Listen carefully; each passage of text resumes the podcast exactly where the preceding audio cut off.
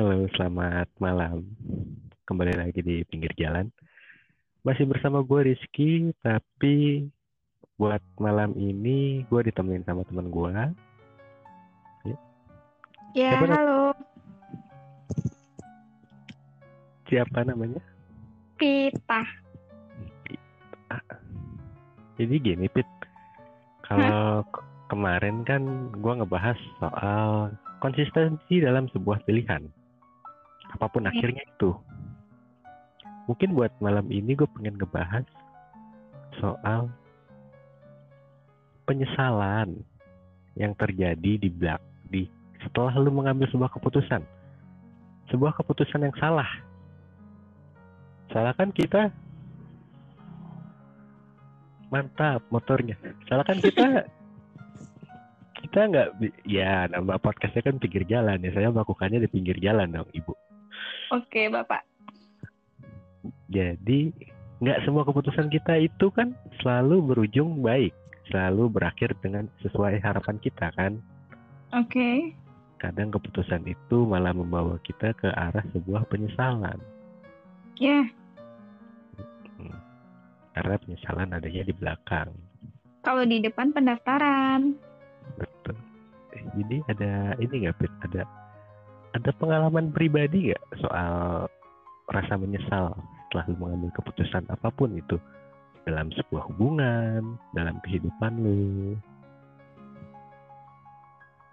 Yang paling menyesal atau yang paling berkesan? Eh, biasanya yang paling disesali yang paling berkesan kan? Oh, tidak selalu, Bapak. Oh, tidak selalu. Dua-duanya boleh. Waktu kita panjang kok. Kalau untuk yang paling nyesel, eh, tetap ya, cewek pakai perasaan. Kalau setiap mencintai gitu tuh. mm-mm, Gua pernah mencintai seseorang selama nggak lama sih cukup lah dua tahun Dua tahun. iya dua tahun selama dua tahun kita kita ngejalin hubungannya tuh udah selama dua tahun. Mm-mm, karena gue terlalu polos terlalu belum ngerti dunia luar lah ya gimana gimana kejamnya. Jadi emang diawali dengan hubungan yang tidak sehat dengan satu satu pihak aja. Kayak gimana ya?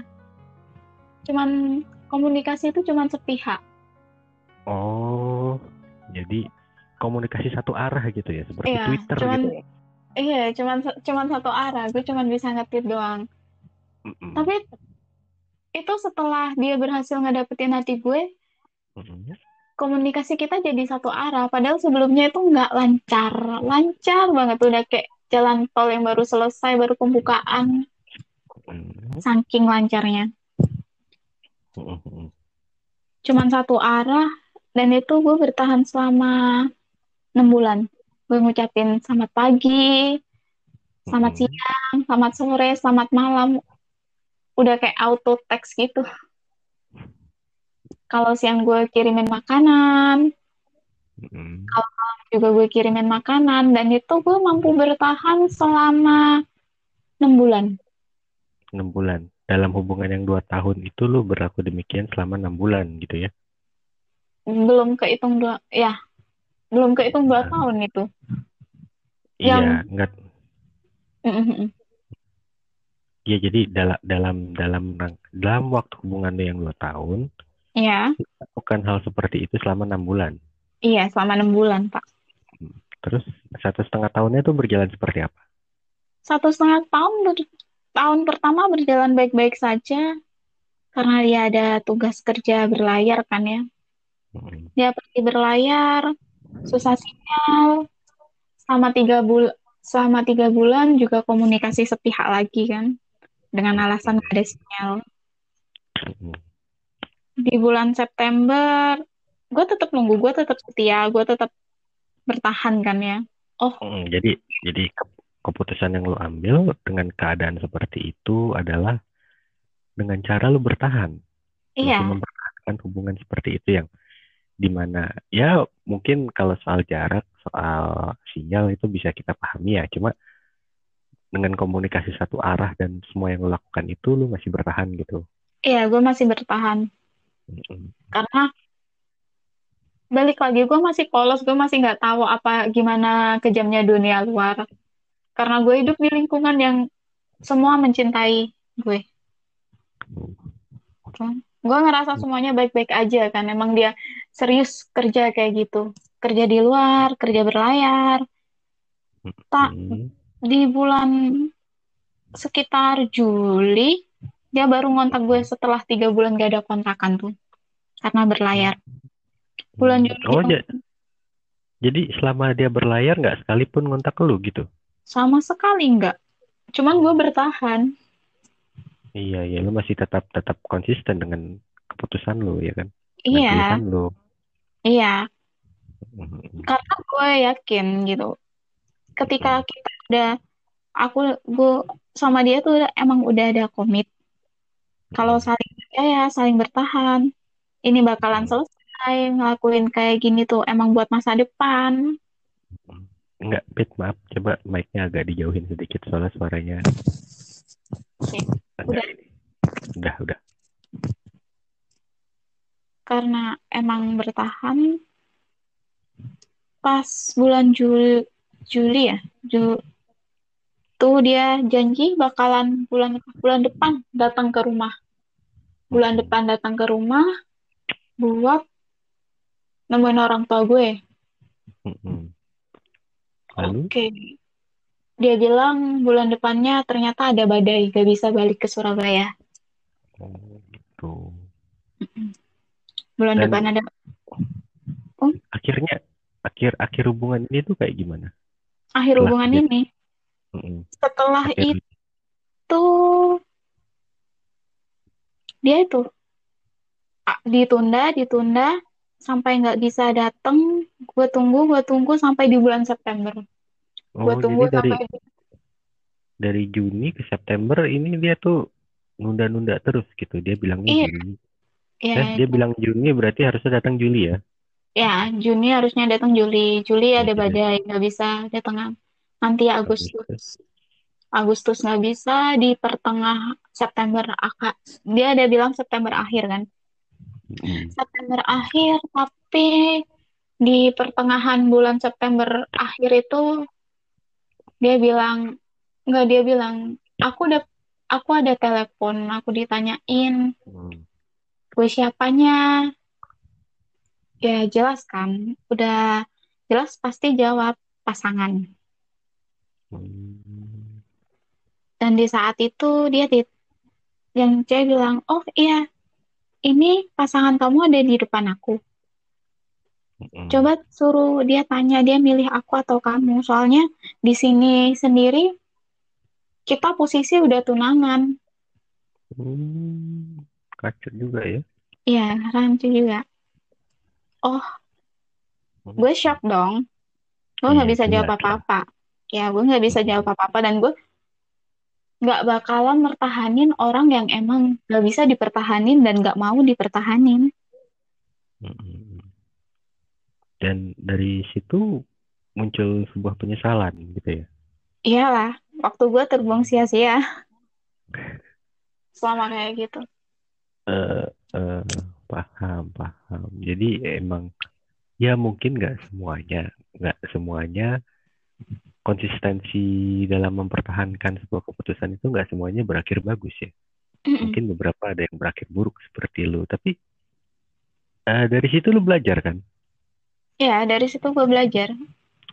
Tapi ya itu ada ada sisi baiknya, ada sisi bagusnya yang di mana kita bisa ambil pelajaran dari sebuah luka. Mungkin. Ya, dan dengan dengan kayak gini gue lebih mungkin sejak saat itu gue jadi apa ya gue jadi enggan gitu Terus buat ngasih hati gue ke orang lain oh ada rasa trauma ya. iya ada rasa trauma Hmm, hmm, hmm. sampai Paham ras gue. rasanya Lu berapa lama lu trauma seperti itu nggak mau ngasih hati ke orang lain? Berapa lama? Sekitar satu setengah tahun. Lama juga ya.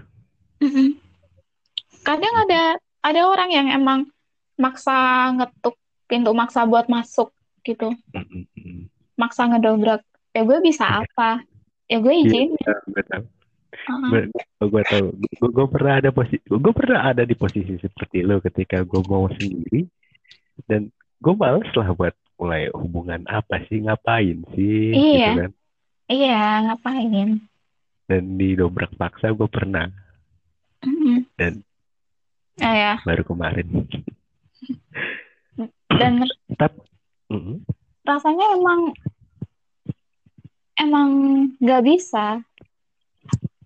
Kayak apa ya? Nggak nggak sedalam ini tuh, nggak sedalam dan setulus yang ini, yang Mm-mm. sebelumnya.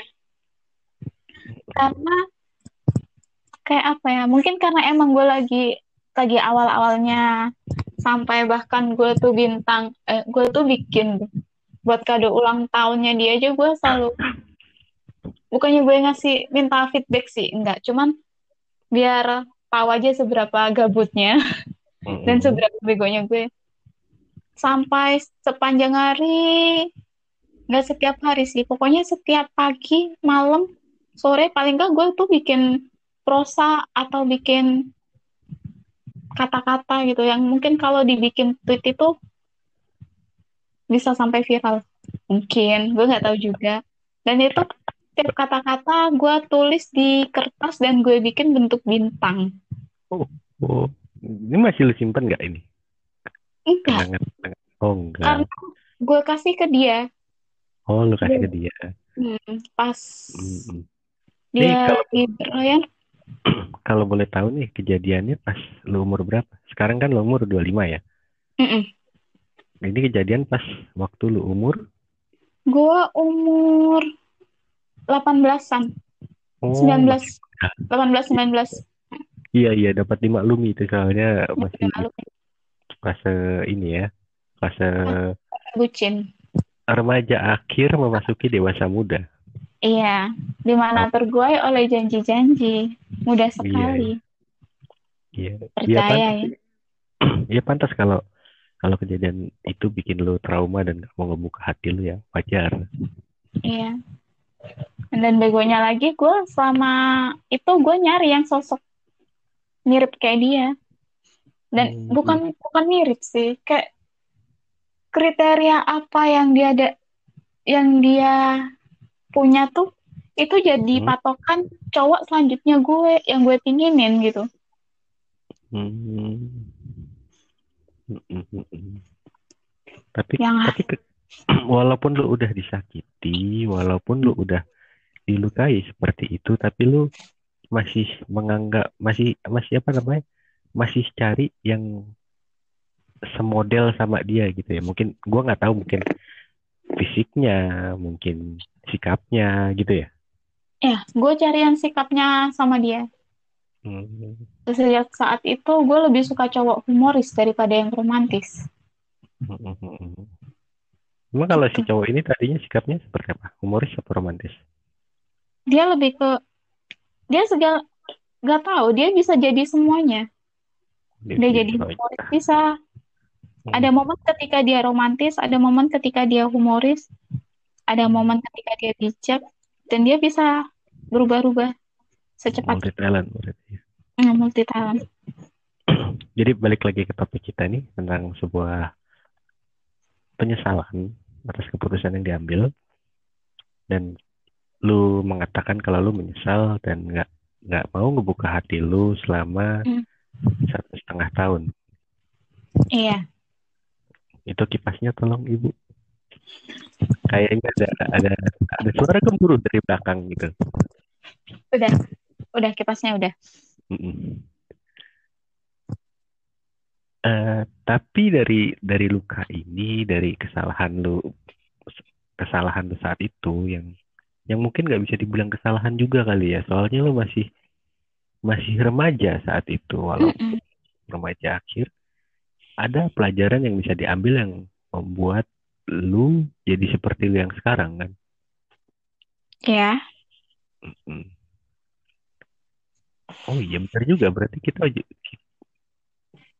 iya kita belajar dari sebuah luka ya luka yang membentuk kita seperti ini.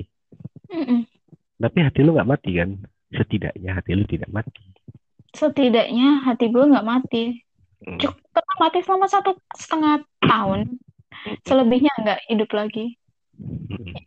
Mungkin agak jahat ya, mungkin agak jahat dengan orang-orang yang berusaha ngedobrak, tapi hati gue tetap mati.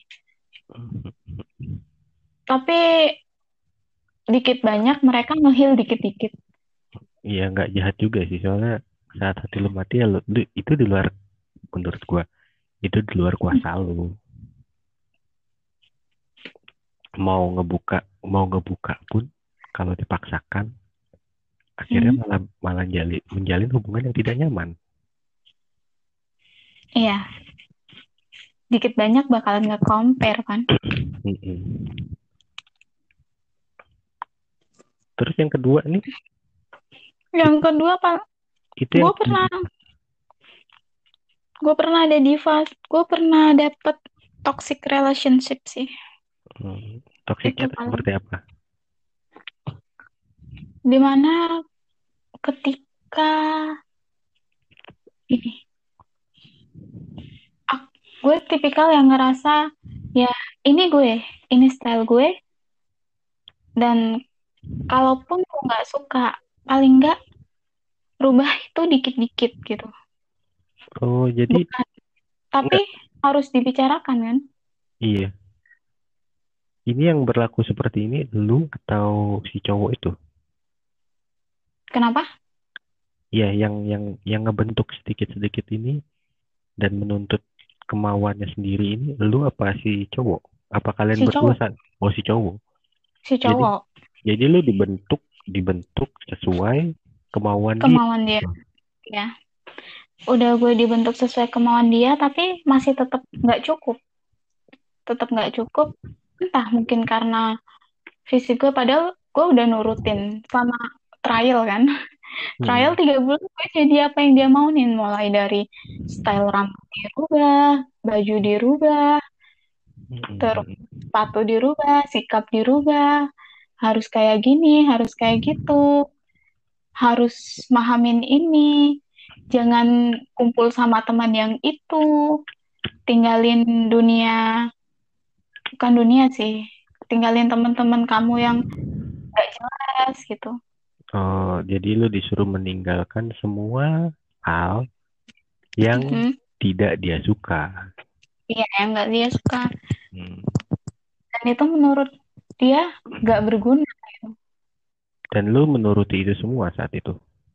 ya saat itu ya selama tiga bulan Hmm. selama tiga bulan menurut apa yang dia ingini Jadi ini hubungan kalian tuh ber- berjalan berapa lama? Kalau yang pertama kan dua tahun itu pasti sangat sakit pertama- sekali. Iya, Yang- kalau yang ini gue cuman bisa mampu selama 9 bulan Hmm. Karena nggak bisa, karena nggak bisa, karena dia udah main fisik kan. Oh, jadi dia udah mulai main tangan gitu ya, dia, dia mukul gitu.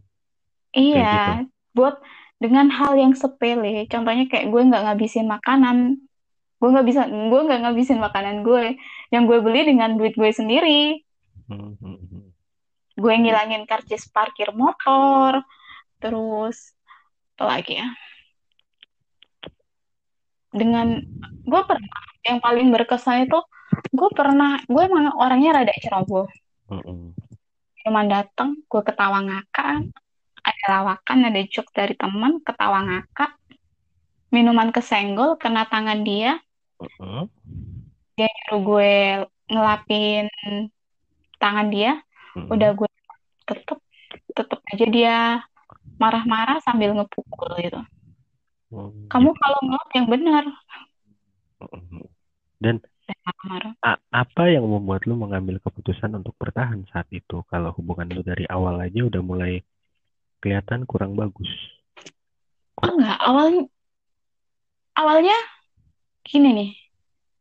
Itu gue ada di gue ngerasa di awal nih, oh ya, emang gue emang harus lebih dewasa. Dia mengatasnamakan kedewasaan. Sampai kapan kamu itu bertindak kayak anak kecil? Sampai kapan dandanan kamu kayak anak kecil itu? Mana style gue tuh pakai apa sih? Kayak ya casual, pakai jack, pakai jeans, terus pakai kaos doang. Sandalnya sandal krok, rambut di poni de- poni depan. Oh, dandannya masih ya mungkin menurut dia masih seperti anak-anak gitu ya. Mm-mm. Iya, masih seperti anak-anak. Padahal kalau style kan masing-masing ya, sesuai kenyamanan diri kita sendiri aja. Yang penting nggak malu-maluin. Iya, harus harusnya seperti itu. Cuman ya udah untuk style oke, oke masih bisa gue turutin kan. Apa sih susahnya? Apa sih susahnya ngerubah style? Tinggal dirubah ini itu ini itu. Mm-mm. Toh beli baju nggak mahal kan ya. Mm-mm. Cuman makin ke situ makin makin kasar. Gue yang nggak bisa. Mm-mm. Di mana dia Ya, ketika gini gini gini, dia sering marah ke gue. mm-mm. Cuman di satu sisi dia masih tetap manfaatin gue gitu tuh. manfaatin dalam hal Mungkin akomodasi kali ya. Akomodasi. Oh Jadi dia tuh tipikal yang nggak bisa kalau sehari itu nggak ketemu. Mintanya ketemu tiap hari. Dan dengan ketemu tiap hari, dia posisi nggak ada motor. Ya pikiran gue kan pasangan saling melengkapi satu sama lain ya nggak? Mm-mm. Ya nggak sih? Tipikal ya udah gue antar, gue jemput ke kosannya, gue antar yang Surabaya barat ke Mm-mm. Surabaya Timur. Ke Mm. Surabaya Timur. Lumayan lah, pokoknya nempuh perjalanannya buat gue ke kosannya aja 20 menit, 20 menitan. Mm, jadi PP tuh bisa 40 menit ya lumayan juga loh. Iya, PP bisa 40 menit. Cuman gue mikirnya kan saling melengkapin. Dan Tapi ketika dia, dia ngambek, tetap mm, minta diantarin, tetap kendali dia yang pegang gitu. Nah, enggak, gini kan dalam suatu kok, kok dalam kalau kita ambil konsep sebuah hubungan itu saling melengkapi. Dan lu Iya. coba melengkapi eh, bukan melengkapi sih ini. Kalau menurut gue ini menutupi menutupi kekurangan dia dan mm-mm. hal hal apa yang dia lakukan untuk melengkapi keperluan atau kebutuhan lu gitu. Selama kalian Apa? selama kalian menjalin hubungan itu nggak ada. Gue ngerasanya nggak ada. Dia cuman pengen gue lebih dewasa. Itu. Buat kebaikan gue, buat Hmm. segala karena di dunia ini nggak nggak apa ya nggak selamanya gue bakalan jadi anak kecil dan nggak semua itu circle itu kayak gue gue juga harus kenal circle orang lain gitu Hmm. Dan apa yang apa yang membuat lu mengambil keputusan untuk bertahan saat itu? Ini karena gue ngerasa sorry bentar. ya Eh, waktu itu umur lu udah berapa? waktu itu umur gue 22 tahun Oh, 20, udah berarti udah de- udah dewasa ya, udah punya pemikiran sendiri Ya. nggak seperti kisah sebelumnya ya. ya udah punya Mm-mm. itu pun gue masih di itu pun gue masih dibantu sadarin sama teman gue kalau emang ini hubungan udah nggak sehat Hmm. rasa awalnya oh mungkin ini didikan dari dia Hmm. gue harus lebih ngehargain makanan gue harus lebih lebih ngurangin sikap ceroboh gue atau yang lain atau yang lain Hmm.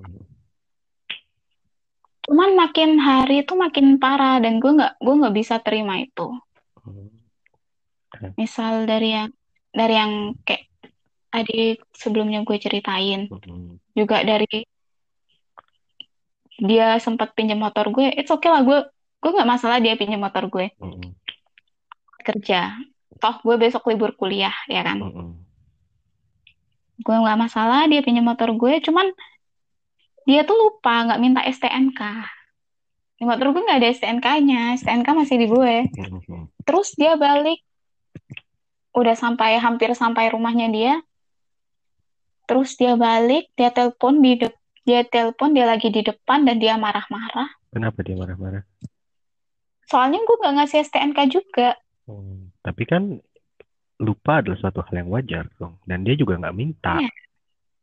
Iya, dan dia dan dia yang yang butuh gitu. Harusnya dia yang lebih mastiin dan itu dia nyaci maki gue, dia nyaci maki gue, terus dia juga ngepost foto jalan sama cewek lain, nganterin cewek lain, dan itu pakai motor gue. Hmm. Dan hubungan kalian berakhir di situ. Enggak, Oh enggak, masih bertahan Kan- lagi? dianya yang nggak mau. Akhirnya gue gue mutusin buat udahan. Oh, Udah, gue nggak bisa. Tapi dianya nggak mau. iya. Dia minta maaf. Pokoknya setelah mukul atau setelah apa dia minta maaf. Terus balik lagi. Terus Gitu lagi, minta maaf lagi, balik lagi, kambuh lagi. sampai sampai akhirnya akhirnya lo memutuskan lo udah nggak kuat lagi bertahan dan kalian berpisah Iya. gitu. Iya, kita udahin semua omong kosong ini gitu. Hmm, Tapi dia masih tetap nggak mau. hmm, Dan dia bilang, oke, ya udah lakuin apa yang gue pinginin. hmm. Dia bakalan coba ngerti gimana style gue, gimana gimana gue, gimana sifat gue gitu. Ya udah dong, gue balik dong ke gue yang awal sebelum dia ketemu, sebelum dia rubah. Cuman di situ makin tambah nggak sehat. Di mana setiap ambil keputusan itu gue dan dia bilang, apa? Aku cuman kacung kamu. Aku nggak ada hak di sini. Pit, ini maaf dipotong sebentar, soalnya mau dibagi berapa part, takutnya nggak bisa diupload ya. Oke. Ntar kita lanjut di part 2. Oke. Lanjut lagi gimana tadi? Setelah dia pakai motor, lu nggak bawa STNK, terus Iya, dan di akhirnya dia kan yang ngalah. hmm, Cuman di situ kayak apa ya? Kesannya tuh dia yang tersakiti itu. Ya udah, hmm, nggak bisa apa-apa. Kalau aku ngasih tahu kamu ini tuh nanti dibilang aku nggak sayang gitu. Nanti kalau aku ngasih komplain ini tuh katanya aku kasar. Ya udah terserah kamu. Aku di sini cuman babu, aku cuman kacung. Makin nggak sehat dong hubungan gue. iya. Iyalah, kayak gitu. Setiap kali gue minta putus, dianya bilang, selalu bilang, selalu bawa teman-teman gue, bilang, bilang, Hmm, dia selalu bilang kayak ini, bilangin ya sama teman-temanmu, aku nggak mau diputusin, gitu. Dia Dan nyangkanya dia dia ini minta maaf tapi setelah itu diulangi diulangi lagi dan diulangi lagi. Berarti dia dia belum sadar dong kesalahan dia sampai dia belum, belum, Gini, kayaknya belum. maksudnya gini ketika lu melakukan kesalahan dan lu minta maaf dan tiba-tiba teman-teman dari pasangan lu nyuruh pasangan lu untuk menjauhi lu berarti yang Mhm. salah pada teman-temannya dong harusnya Iya seperti dong. itu Iya dong, nah, dan dia dia nggak sadar akan hal itu iya dia nggak sadar. Mhm. Lagian juga, aku tipikal yang sering cerita kan, Jud. Iya. Tipikal yang sering cerita hari ini ngapain? Gini gini gini. Apa kisah seru hari ini? Mhm. untuk sebuah keterbukaan. Sedangkan dia tuh dia gue tanyain hari ini ngapain? Gimana? Dan dia cuman bilang percuma aku ngobrol sama kamu itu. Cuman buang-buang suara buang-buang nafas. Ampun kamu nggak bakalan ngerti tentang apa yang aku bahas itu dari nggak ini setelah hubungan kalian makin memburuk apa dari awal seperti itu setelah makin memburuk, setelah dia bilang kalau dia cuman babu dan lain-lain, kayak gitu. Semakin kayak gitu, emang gue semakin ngerasa hubungan gak sehat, sementara dianya masih kekeh, pengen bertahan. Menurutku buat apa coba bertahan dengan hubungan yang kayak gini? Hmm. Da- dari situ lu mulai mulai sadar kalau lu udah salah ambil keputusan untuk bertahan Iya, emang emang udah nggak bisa ini. Harusnya dari awal diakhiri kan?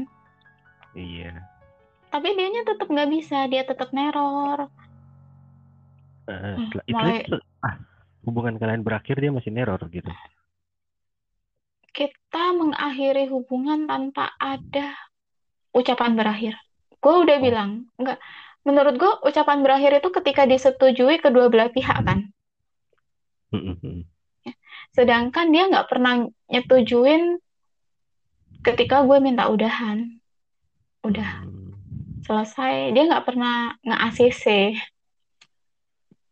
Ya tapi kan ketika lo memutuskan untuk pergi, lo bisa aja pergi begitu saja kan. Setelah luka-luka yang lo terima, setelah lo sadar lo kalau keputusan lo salah, gitu kan? iya harusnya kayak gitu. Cuman mungkin karena ada rasa kasihan ya. Rasa kasihan. Jadi gue masih tetap baik sama dia. Tapi gue kepengen udahan. Tapi dianya masih nggak terima. Dianya masih nganggep gue itu pasangannya. Iya iya iya. Ada mau jadi kayak jadi kayak anak ML. Iya iya. kan ada momen di mana kayak gitu Jo di mana lo Mm, tuh mm, nggak bisa terima keputusan pasangan lo dan lo ngerasa ya she is still mine gitu dia masih punya gue mm.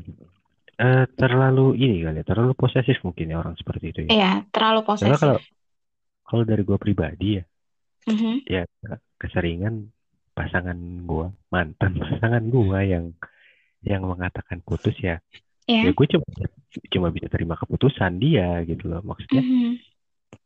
eh kalau ada kesempatan lagi gue perjuangkan lagi Mhm. tapi kalau emang dia udah ambil keputusan begitu ya kalau kalau misalnya gue masih sayang gue masih cinta dan nggak ada eh mantap sekali suaranya Iya. dan ka- kalaupun gue masih mau ya ya gue berjuang lagi dari awal gitu, untuk ngedapetin hati dia kembali bukan dengan cara bukan dengan cara seperti mantan mantan lu yang melakukan itu kayak gitu lu masih punya gue lu masih milik gue nggak gitu Mm-mm, harusnya nggak nggak pokoknya nggak gitu iya harusnya nggak gitu Mm-mm. Jadi ini balik lagi Gimana? ke topik kita ya Iya. soal penyesalan dalam ambil penyesalan dalam mengambil keputusan Mhm. Kalau sekarang nih, kan kisah itu udah terjadi beberapa tahun lalu ya. iya Lu masih menyesali keputusan lu saat itu nggak sih? Apa lu udah nganggep, oh ini cuma pengalaman gitu? Eh, gue untuk saat ini lebih santai lebih enjoy sih oh gue malah nganggep ini oh ini bahan gibah gitu Gitu. Ya, maksudnya nggak terlalu berefek ya buat buat ke depannya soalnya nggak terlalu fatal juga cuma cuma ada pelajar ada nggak pelajaran yang bisa diambil dari situ? Tapi Tapi nggak- nggak apa. Yang paling fatal ya yang awal itu doang Jo. Soalnya soalnya lu menyanyiakan waktu lu selama dua tahun. Iya dan dia yang ngebentuk kayak tipe cowok idaman gue gitu bahkan Hmm. sampai sekarang Hmm, jadi dia jadi Jerry ini modelnya sama kayak dia gitu. sama cuman lebih modelannya sama cuman lebih gue nemuin sesua- seseorang akhirnya gue nemuin seseorang yang bisa ngimbangin ngimbangin dengan humorisnya dia dengan bijaknya dia cuman lebih lebih dari dan cuman lebih dari dia gitu. Bukan Hmm. cuman imbang sih tapi lebih Iya, berarti syukurlah kalau udah menemukan orang seperti itu ya kan. iya Nah, apalagi hubungan kalian kan udah mulai pengen serius kan. iya udah mulai serius kita Eh, kalau kalau gua boleh sedikit cerita nih. iya silahkan ini silahkan silahkan eh, buat eh gue merupakan orang yang tidak mempunyai penyesalan dalam hidup. Nggak, bagus ini dong serius. Ini serius. Mungkin gue gue aneh atau gue apa, makanya kan gue manggil lo ke sini buat buat buat bercerita tentang sebuah penyesalan. Karena kemarin gue udah ngomong begitu. hmm. Eh, apa ya? Sebelum mulai mulai gue umur berapa ya gue ambil keputusan sendiri ya? iya Iya, pokoknya setelah se, se- ini mungkin dari fase remaja akhir memasuki dewasa, setelah gue benar-benar merasakan rasa sakit, setelah gue eh, enggak itu satu-satunya penyesalan dalam hidup gue. Jadi Oke. ceritanya, jadi ceritanya eh gue pacaran sama wanita yang lebih tua dari gue waktu itu. Gue baru pengen lulus SMA, dia udah kuliah. Dan eh, enggak sih dia nggak dia nggak kuliah dia waktu itu nganggur baru pengen baru pengen daftar-daftar gitu gue masih baru naik kelas tiga hu- hubungan kita sebelumnya udah dimulai beberapa tahun lalu kan udah jalan satu tahun satu dua tahun waktu itu dan Iya. kebetulan dia diterima di Solo di ini. UNS Eh, kita LDR masih jalan seperti biasa cuma waktu gua umur segitu ya namanya ini ya namanya anak muda ya. Kan suka main-main. Gejolak kaula muda. Ya, iya. Nah, singkat cerita nih waktu gue main-main gue ketahuan habis itu hubungan kita eh, ngegantung karena apa ya? Karena kita cuma lost kontak gitu aja kan. Lost kontak gitu aja terus pada suatu saat eh, pas itu apa ya pas hari kelulusan gua apa ya pas pengumuman kelulusan gua kayaknya tuh gua udah di rumah. Gua dapat kabar dari ini dari kerabatnya dia dari saudaranya dia kalau dia udah nggak ada gitu gua tanya kenapa gua tanya kenapa nggak ada yang mau ngejelasin kenapa ke gua. Dan cuma cuma ngasih tahu ngasih kabar gitu aja. Dan ya. Ya iya gua ke rumahnya gua ke ke ininya ke makamnya ada Keluarganya. Dan ya dari situ gue merasa sangat sangat menyesal gitu atas keputusan gue yang yang lebih apa ya soalnya waktu itu kan ada gue pernah deket sama cewek dan saat Mhm. dia saat kita LDR lagi si cewek ini deketin gue lagi gitu kan ya Iya. pikir gue saat itu kenapa gue bertahan dengan yang jauh yang nggak tahu nggak tahu dia di sana ngapain aja nggak tahu dia sama siapa aja ya kan dibanding yang yang deket yang bisa gue Yang dekat. yang bisa gue ajak ngomong secara langsung gitu kan. Iya. Iya, dari situ gue benar-benar eh sak eh, apa ya sakit ya sakit. Merasa berdosa ya ber- berdosa menyesal ya menyesal.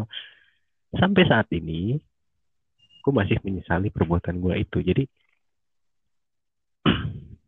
efeknya adalah sebelum gue mengambil keputusan gue harus tahu resikonya. Oke. kalaupun sakit oke sakit. Ini hasil keputusan. Ini sakit nah, karena keputusan gue sendiri bukan bukan orang lain. Makanya eh, kejadian kemarin kan banyak yang bilang banyak yang ngasih masukan ke gue ya udah. Termasuk lu. Mm-mm. buat apa namanya buat lupain aja Buat Eh, bikin nggak lebih kuat. Hmm? Buat bikin lebih kuat. Mm-mm, mm-mm. Cuma ya apa ya, kadang gue merasa eh, sakit-sakit yang gue alami saat ini, hubungan gue yang gagal selama ini adalah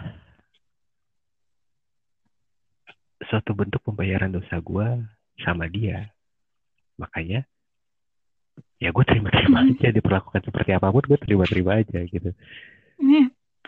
Soalnya anggap itu karma dari atas kejadian masa lalu lo. Mm, Bisa dibilang begitu. Jadi kalau untuk kisah-kisah yang berakhir dengan tragis setelah dia, Dan ya Mhm. nggak ada sedikit pun penyesalan di gua, walaupun ya walaupun ya namanya orang patah hati ya galau-galau nangis-nangis seminggu juga ya Eh, nggak dari gue sih Iya. jadi ya nggak nggak selamanya keputusan yang lu anggap benar dan lu pertahankan itu berakhir indah ya Iya. akan ada keputusan-keputusan yang yang justru membawa lu ke jurang Penyesalan. penyesalan. Mungkin kon- konklusinya sama aja dari dari tadi ya. Iya, dari tadi. Tapi tapi tapi tapi tapi ada hikmah yang bisa diambil dari kesalahan tersebut. Iya, entah itu Hmm? entah itu ngebentuk jadi diri lo yang baru. Mm-mm. Entah itu mengubah pribadi lu menjadi yang lebih baik lagi. Entah itu membuat lu berpikir ulang sebelum mengambil keputusan yang salah lagi. Intinya ada pelajaran yang bisa diambil dari situ dan nggak semua hal buruk. Menurut gue gini loh, nggak semua hal buruk yang terjadi di hidup lu itu berakhir buruk. Tergantung gimana lu menyikapinya. Maksudnya ketika seseorang ada kan kan ada banyak kasus di mana seseorang patah hati, dia nggak mau membuka hatinya lagi dan malah menyimpang atau malah Ya. jadi ini jadi jadi jadi orang yang mempermainkan hati orang lain gitu. Ya. Ada kan yang seperti itu. Karena maksudnya, Tentu saja ada. maksudnya ya membalaskan dendam lu kepada orang Hmm. lain. Dan dari Mm-mm. situ, ya, ya mungkin orang-orang seperti itu menemukan kepuasan tersendiri atas apa yang dilakukannya gitu. Iya. Cuma ya, cuma ya kan akan jadi banyak orang-orang tidak berdosa yang terluka. Mm-mm. Semakin nambah dosa lo. Mm-mm. Jadi ya,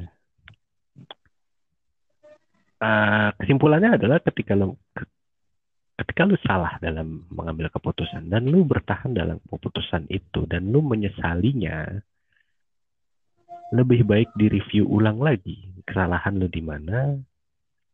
Dan kalau ada yang bisa diperbaiki ya diperbaiki. Kalau ada pelajaran yang bisa diambil ya lebih bagus dibanding melampiaskan Ke orang lain. Mm-mm. Gitu. Ya, ini makasih banget udah nemenin gue di sini ya. Biasanya gue cuma 5 menit, 10 menit, sekarang sampai 46 menit. Eh, Lama juga ya, ternyata. iya. Ya, gitu aja dari gue buat malam ini sama Pita. Ya. Kalau ada yang ngedengerin ya gue berterima kasih sekali. Dan kalau ada cerita yang mau diceritakan atau mau lu mau curhat ke gue atau kayak gimana ya bisa di, bisa bisa kirim pesan itu pun kalau ada yang ngedengerin. Kalau nggak ada ya, sharing lah. Biar ada yang ngedengerin. Nggak apa-apa dong Bapak promo dikit. gue ini kayak buat dokumentasi pribadi gue aja. Gak sih sebenarnya gue bikin ini cuma buat dokumentasi pribadi gue aja. Kalau suatu saat gue butuh cerita atau gue butuh masukan dari diri gue sendiri. Soalnya kadang eh apa ya orang paling bijak Iya, itu biasanya memang, adalah orang yang lagi galau. saja. Eh, kan ada banyak pelajaran yang bisa diambil dari orang-orang yang sedang galau. Mm-mm. Karena di mana ketika orang lagi galau, Iya. biasanya dia sadar, dia bakal mencari, salah gue di mana? Kenapa gue sampai ngalamin kejadian hal kayak gini? Mm-mm. Mm-mm. Dan kita bisa belajar dari kesalahan mereka. Iya. Oke, Gijot. Thank, Ya thank you ya udah ngundang aku. yuk. Oke. Ya, segitu aja dari gue sama Vita buat malam ini. Kalau kepanjangan ya mohon dimaafkan.